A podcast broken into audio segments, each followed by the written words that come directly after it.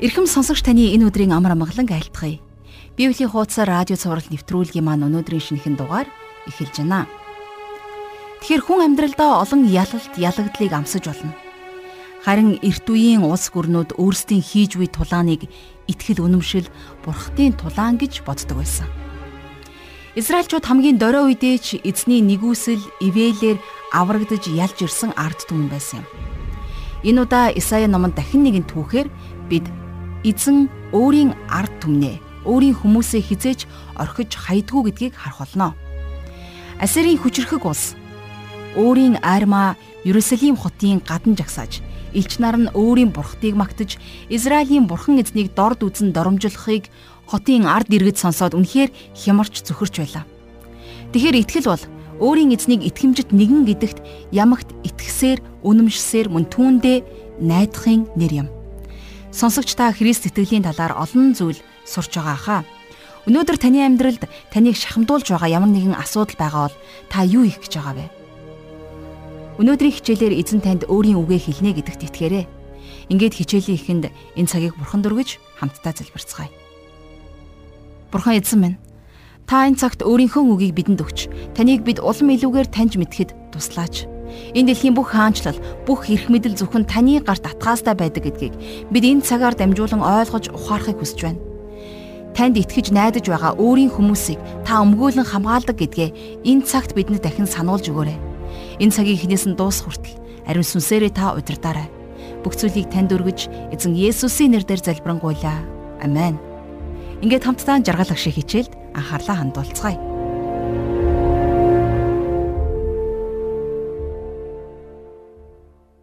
За Исая номын судалдаа нэгдсэн сонсогч танд маш их баярлалаа. Тэгэхээр өнөөдөр хамтдаа бид Исая номынхон 10 дугаар бүлгийг судалж дуусгана. За номын 7 дугаар бүлгээс 12 дугаар бүлэг болвол Ахаз хааны хаанчлалын үед Бурханаас өгөгдсөн иш үзүүлэг байсан гэдгийг би дахин сануулмаар байна. Эдгээр иш үзүүлгүүд нь тухайн цаг үедээ Израильд тохиолдох үйл явдлын талаар өгүүлээ зогсохгүй. За бас хожим нь эцсийн өдрүүдэд юу болох тухай давхар өгүүлсэн байдгаараа онцлог байсан. Харин өнөөдрийн бидний хамтдаа үзэх 10 дугаар бүлэг болвол Библиэд ирэх гайхамшигтай бүлгүүдийн нэг. За энэ бүлгийн эхэнд шудраг биш шүүгчд, шудраг биш удирдгчдийн тухай өгүүлсэн байдаг. За улс орны удирдгчдийн шудраг бус байдал нь ард түмний амьдралд маш хортой нөлөө үзүүлж байдаг. За ингээд зогсохгүй энэ нь бурхны шүүлтийг улс үндэстнийхэн дээр дуудаж байдаг үйл явдал байдаг юм а. Израильчуудыг шүүж шийдэхийн тулд бурхан Ассир гэдэг үндэстнийг илгээсэн юм. Тэгэхээр Ассирийн хаант улс нь хожим эцсийн өдрүүдэд бурхны эсрэг босон зогсох хойд зүгийн хааны бэлэгдэл болдог. За энэ тухай илчлэл болон Даниилийн бичсэн номон дээр бас өгүүлсэн байдаг юм а. Ингээд хамтдаа 10 дугаар бүлгийнхээ нэгдүгээр ишлэлийг одоо уншийе. Ёс бус тогтоол гаргаж зөв бус шийдвэр бичихсэд хөөрхийе гэж 10 дугаар бүлэг эхэлж байгаа. Тэгэхээр бурхан энд шудраг биш шийдвэр гаргадаг. За шудраг биш тогтоол гаргадаг, шудраг бус шүүгчд болон шудраг бус удирдагчдын тухай өгүүлсэн байна. За ингэхдээ ёс бус тогтоол гаргаж зөв бус шийдвэр бичигсэд хөөрхийё гэж бурхан дуулдсан байна тийм ээ. Уг нь тэд нар улс орондоо шудраг ёсыг тогтоон барих ёстой хүмүүс. А гэтэл эсэргээрээ тэд нар шудраг ёсыг завхруулж байсан. Энэ дэлхийн ертөнцийн дээрх шудраг ёсны цаана бурхны шудраг ёс яригдж байдаг юм. Бид нар энэ дэлхийн амьдрал дээр шудраг ёсыг уландаа гიშгэж байхдаа бурхны шударга ёсыг бас давхар уландаа гიშгэж байдгиймээ гэдгийг мартаж болохгүй. За 2 дугаар ишлэл дээр үргэлжлүүлээд ингэснээр тэд ядуусыг шударга явдлаас зайлуулж ард түмний минь үгээгүүчүүдийг үнэн зөвөөс холдуулмый. Ингиж тэд бэлэвсэн эмэгтэйчүүдийг олз болгон үнчин хүүхдүүдийг дээрэмддгээ гэсэн байна. За саяын уншдаг 2 дугаар ишлэл дээрх үгс өнөөдөр ч гэсэн та бидний амьдралд өдөр тутам тохиолдсоор л байна. Уг нь шүүх цагдаа гэдэг Бурхны шудраг ёсыг энэ дэлхий дээр тусхан харуулах тусгал байх ёстой байтал харин эсэргээрээ тэд шудраг ёсыг тэр болгон тогтоож чаддгүй. За энэс болоод хууль журам үн цэнгүй болж хүмүүс шудраг байгаад ямар ч ашиггүй юм байна гэсэн дүгнэлтэнд хүрдэг юм. Мөнгөтэй, арын хаалгатай, эрх мэдэлтэй хүн шудраг ёсыг хүсснээрээ гажуудуулж болдог тийм л нийгэмд өнөөдөр та бид нар аж төрж байна шүү дээ. Хууль шүүхийн байгууллагууд нь шудраг ёсыг тогтоохын оронд шудраг ёсыг завхруулж байгаа нь эргээд нийгмээ бүхэлд нь завхруулах үндэс болдго юм аа. Тэгэхээр бурхан энд ядуус бэлэвсэн эмэгтэйчүүд болон өнчин хүүхдүүдийн тухай өгүүлсэн байна. Өнөөдөр чухамдаа ийм хүмүүстэй л шудраг ёс хамгийн ихээр хэрэгтэй байна. Яг л харин эсэргээрээ мөнгөгүй ядуу өмгөөлж хамгаалах ямар ч хөнгөн хүмүүсийг яаж дарлаж дээрлэхэж болдог тогтолцоо бүрдчихэд байна шүү дээ. Ядуурлын эсрэг гэсэн сүржин нэртэй олон хөтөлбөрүүд хэрэгждэг боловч тэдгээр тусламж дэмжлэг нь өөр нэгэн баян чинэлэг хүний халаасыг түнтийлэх гэхээс өөр үр дүн авчрахгүй байна.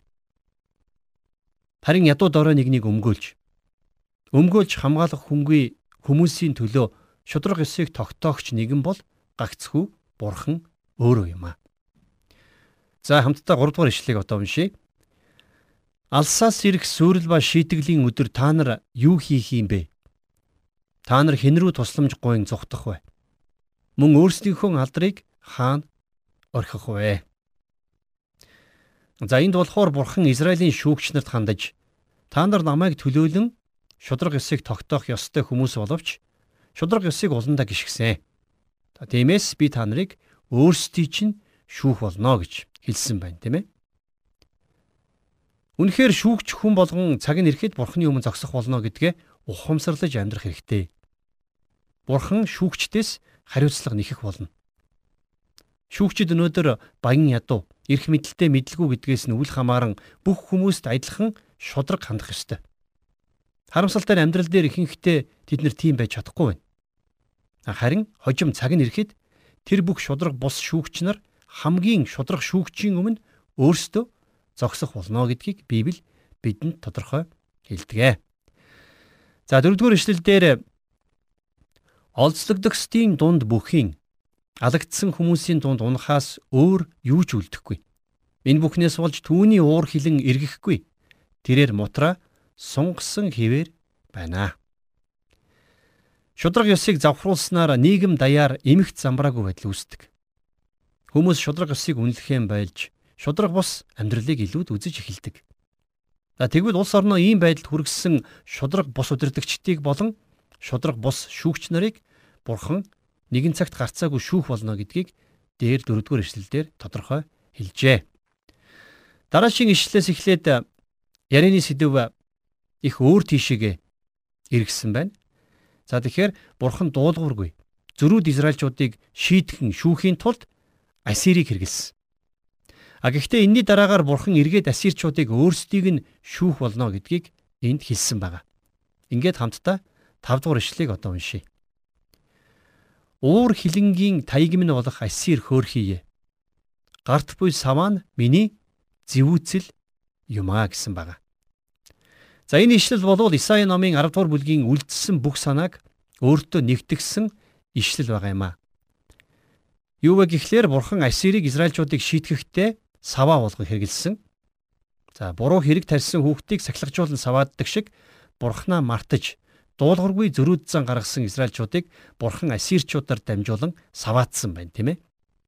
За ингээд бурхан Ассираар дамжуулан өөрийнхөө хайртай ард түмнээ сахилгажуулж байна.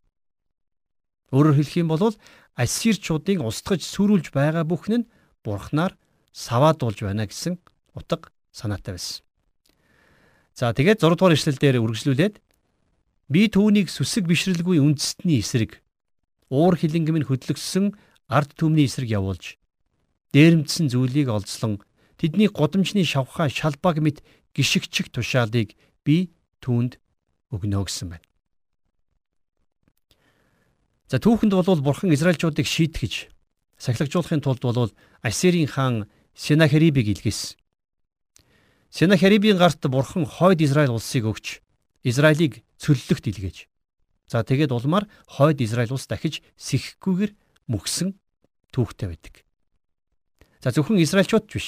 Израилийн эргэн тойронд байсан олон улс үндэстнүүдийг бурхан Ассирийн гарт өгч тэднийг инхүү шүүлсэн байна. За 8 дугаар эшлэлдэр учир нь тэр ингэж хэлж байна. Жанжингууд минь бүгдээрээ хаад босуу. Хэрвээ байна штэ. Тухайн үед бусдыг эзлэн төрөмгийлж байсан хүчрхэг ассирчудаас та нарыг бурхан Израилийг сахилгажуулахаар саваа болгон хэрглэж байгаа юм биш үү гэж асуусан болол тэд нар лав шоолон нээлтэх байсан байх. Тэд нар хизээч ийм зүйлийг ухаарч бодоогүй. Тэд өөрсдийгөө бурхнаар хэрэглэгдэж байгаа бурхны саваа болсон гэдгээ ч ойлгоогүй. За ойлгосон байлаа ч гэсэн тэд нар хүлээн зөвшөөрөхгүй байх байсан. Тухайн үед ассирчууд дайдсан болгоно ялдаг байсан. Энэхүү агуу ялалтууд нь тэднийг бардам ихэрхэг болгож тэдний нүд харалган болсон байсан. Тэд өөрсдийнхөө хүч чадалд ирдэж өөрсдийгөө хизээч дийлдэшгүй хэмээн санаж байсан. А гэтэл үнэндээ бүхнийг захирагч бурхан тэд нарыг удирдах. Тэд нарыг өөрийнхөө зорилгын төлөө хэрэгэлсэн байна. Тэд бол ердөөл бурханы мутардах шатрын хүү байсан байна, тийм ээ? А гэхдээ ассирчууд энийгээ мэдээгүй. За мэдхийгч хүсээгүй гэж хэлж болно. Өнөөдөр ч бас өөрсдийгөө агуу тооцсон удирдагчид олон байна. А гэхдээ вэ штэ. Тэр удирдагчдыг ч гэсэн бас бурхан өөрийнхөө зорилгын дагуу залж удирдах байдгаа гэдгийг бид мартаж болохгүй. 12 дугаар ишлэлдэр Сион уул болон Иерусалимд эзэн бүх ажлаа дуусгамагц. Ассирийн хааны омог бардам зүрхний үрийг болон ихэмсэг байдлынх нь сүр жавхланг би шийтгнэ. За тийм учраас бурхан Ассираар дамжуулан улс үндэстнүүдийг болон онцгойлоод Израильчуудыг шийтгэж сахилгажуулж дууссныхаа дараагаар эргээд ихэмсэг бардам Ассирчуудыг шүүнэ гэдгээ энд хэлсэн байна тийм ээ. Үнэхээр өөрсдийгөө хүчрхэг агуугийн туйл гэж эндүрч байсан Ассирчууд ч гэсэн бурхны шүүлтээс зайлж чадаагүй. Тэд бурхны шийтгэлээс зайлж чадаагүй гэдгийг хүн төрлөختний түүх өөрөө гэрчилж байдаг. Бурхан тэднийг шүүж тэднийг ор мөргүй мөхөс. За үүгээрээ бурхан бүх дэлхийг захирч байдаг хаадын хаан, эздийн эзэн, бурхтын бурхан гэдгээ харуулсан байдаг юм аа. За харин одоо хамтдаа 10 дугаар бүлгийнхээ 15 дугаар ишлэлийг гаргаад уншийе. За бурхан энд нэгэн сонирхолтой асуултыг тавьсан байгаа.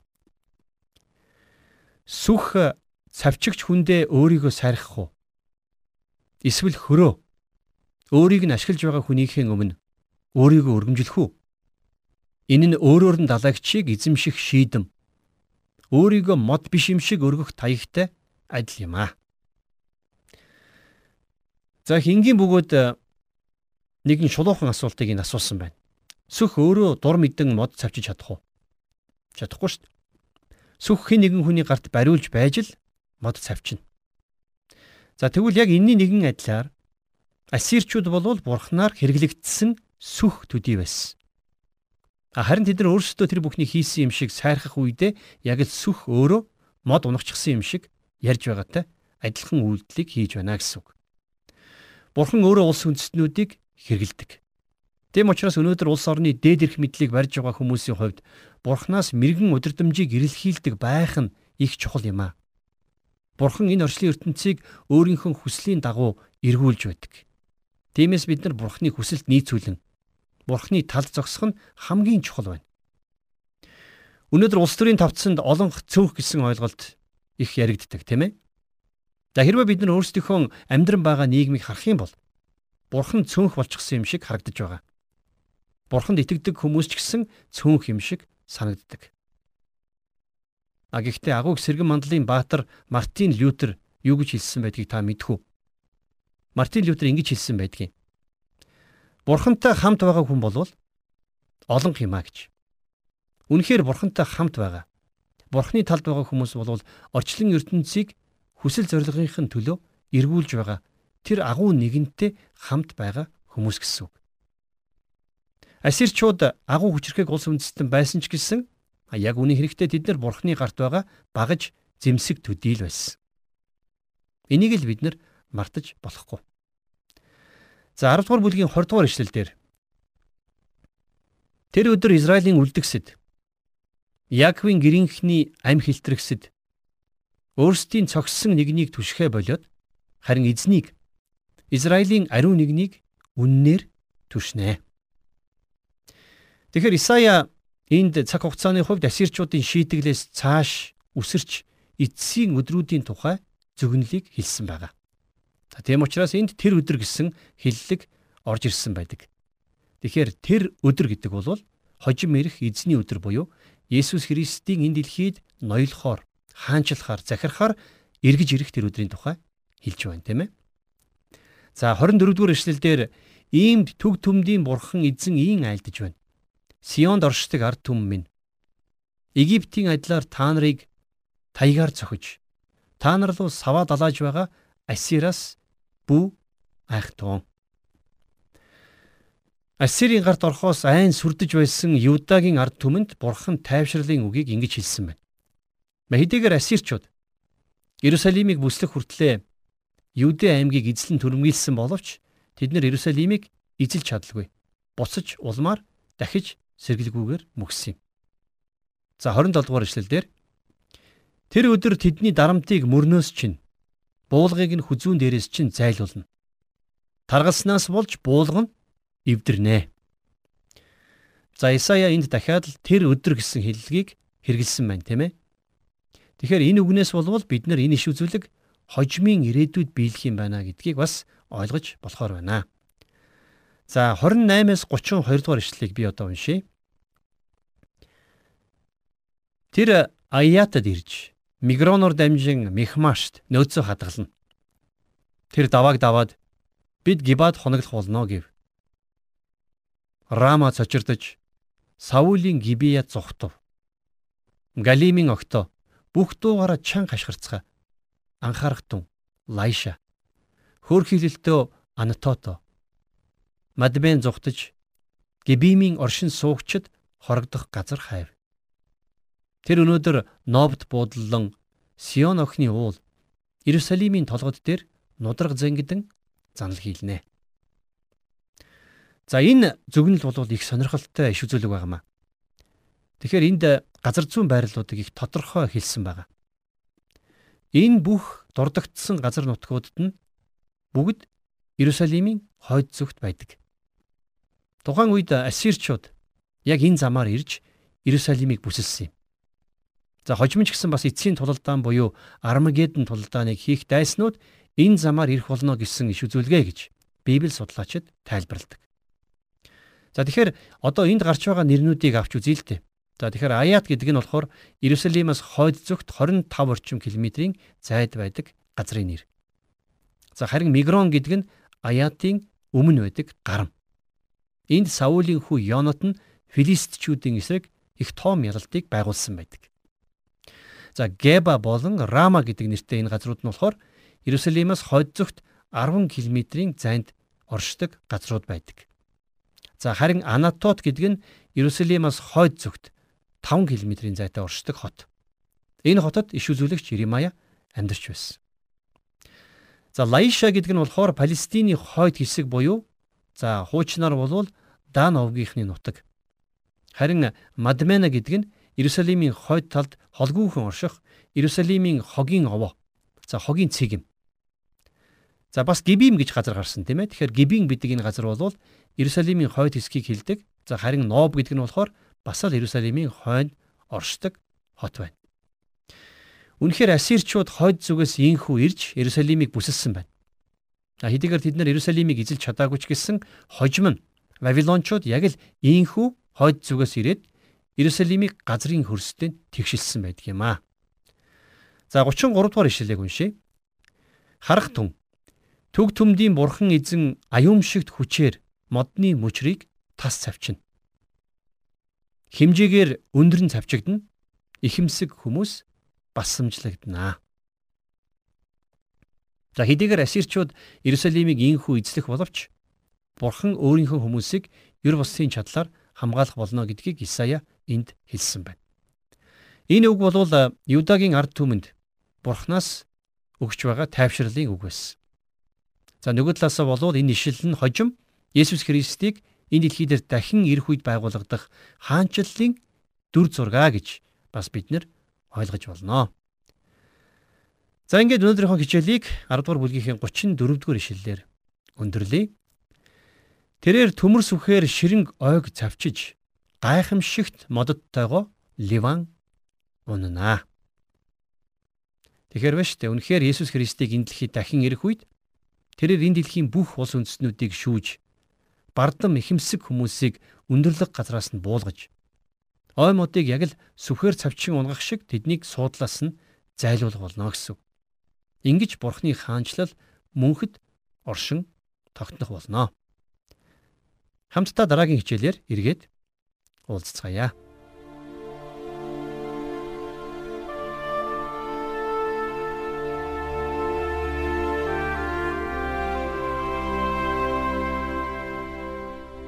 Тэгэхээр өнөөдрийн хичээл үнэхээр гайхалтай байлаа. Бид өнөөдөр Исая номын 10 дугаар бүлгийг хамтдаа уншиж, судалж мөн тайлбарыг сонсон сурсан байгаа. Хүмүүс буруу муу үлээ эцсээ хүртэл хийчгээд аргаа барж шахагдахаараа л эзэн минь энэ удаа харж үзэж өгөөч, хилтрүүлээч өнгөрөөгөөч гэдэг. Эзэн инэрэнгүү учраас заримдаа уучлж өршөөх нь зайлшгүй. Харин хизээ ямар тохиолдолд гэдгийг эзэн өөрөө шийднэ. Асир хүчрхэгжин улс үндэстнүүдийн дээр сүрлийг авчирч байсан ч энэ нь тэдний сайнх биш. Харин бурхан тэднийг өөрийн шүүлтийн төлөө хэрэгэлснийх байсан юм. Тэд бол модчны гарт байгаа сүхтэй адил бурханы гарт буй саваа шиг байсан юм а. Тэр саваа өөрийн хүчээр юу ч хийж чадахгүй юм. Харин үүнийгээ мэдлгүй бардам зан гаргасан Асерийг бурхан шүүх болно гэдгийг өнөөдөр хэлж байна. Бурхан өөрийн хүмүүсийг өмгөөлөн хамгаалж аюул гамшигаас гитлгэн авардаг. Есүс Христ хожим нь дахин ирэх үедээ Бурхан бардам хүмүүсийг бүр мөсөн зайлуулж өөрт нь итгэж найддаг даруй хүмүүсийг өргөмжлөх болно гэж хэлдэг. Хичээл маань энэ хүрээд өндөрлөж байна. Сонсогч таныг болон тантай хамааралтай хүнийг болгоныг эзэн харж хандах болтугай. Өдөр болгон таны дэргэд байдаг эзэн Бурханы мэлмид хичээл зүтгэл итгэмжит байдал чинь өртөг болтугай. Хамтдаа залбирцгаая. Бурхан эзэн минь Таньда өнөөдрийн хичээлийн төлөө онцгойлон талархал өргөн залбирч байна. Та өөрийн хүмүүсийг өмгөөлөн хамгаалдаг учраас, та авранд итгэдэг учраас танд бүх алдар магтаалыг өргөе. Таны эсрэг гим нүгэл үлдэж, танаас зөрүүдлэн холцсон хүмүүсийн дээр та өөрийн шийтгэлээ буулгадаг ч гэсэн таны өмнө гимшиж, тань руу эргэсэн хүнийг болгоныг та уучлан хүлээн авахтаа үргэлж бэлэн байдаг учраас таньдаа талархал магтаалыг өргөж байна. Эзэн Есүс ээ Та хожим сүр жавхлантайгаар дахин ирэх тэр өдрийн хүртэл бид таны өмнө итгэмжтэйгээр амьдарч, танаас зуурч, таны өмгөөлөл хамгаалал, ивэл ерөөлийн дор итгэмжтэй даруй зүрхсэтгэлээр амьдран үйлчлэхэд та бидний дээр ивэл ерөөлөө дүүргээч. Ариун сүнс бурхан минь та бидний хөтлөн дагуулаарай. Хорын муу бузар муугаас та бидний гитлэн авран хамгаалаарай. Бүх зүйлийг танд өргөж эзэн Есүсийн нэрээр залбирanгуйлаа. Амен.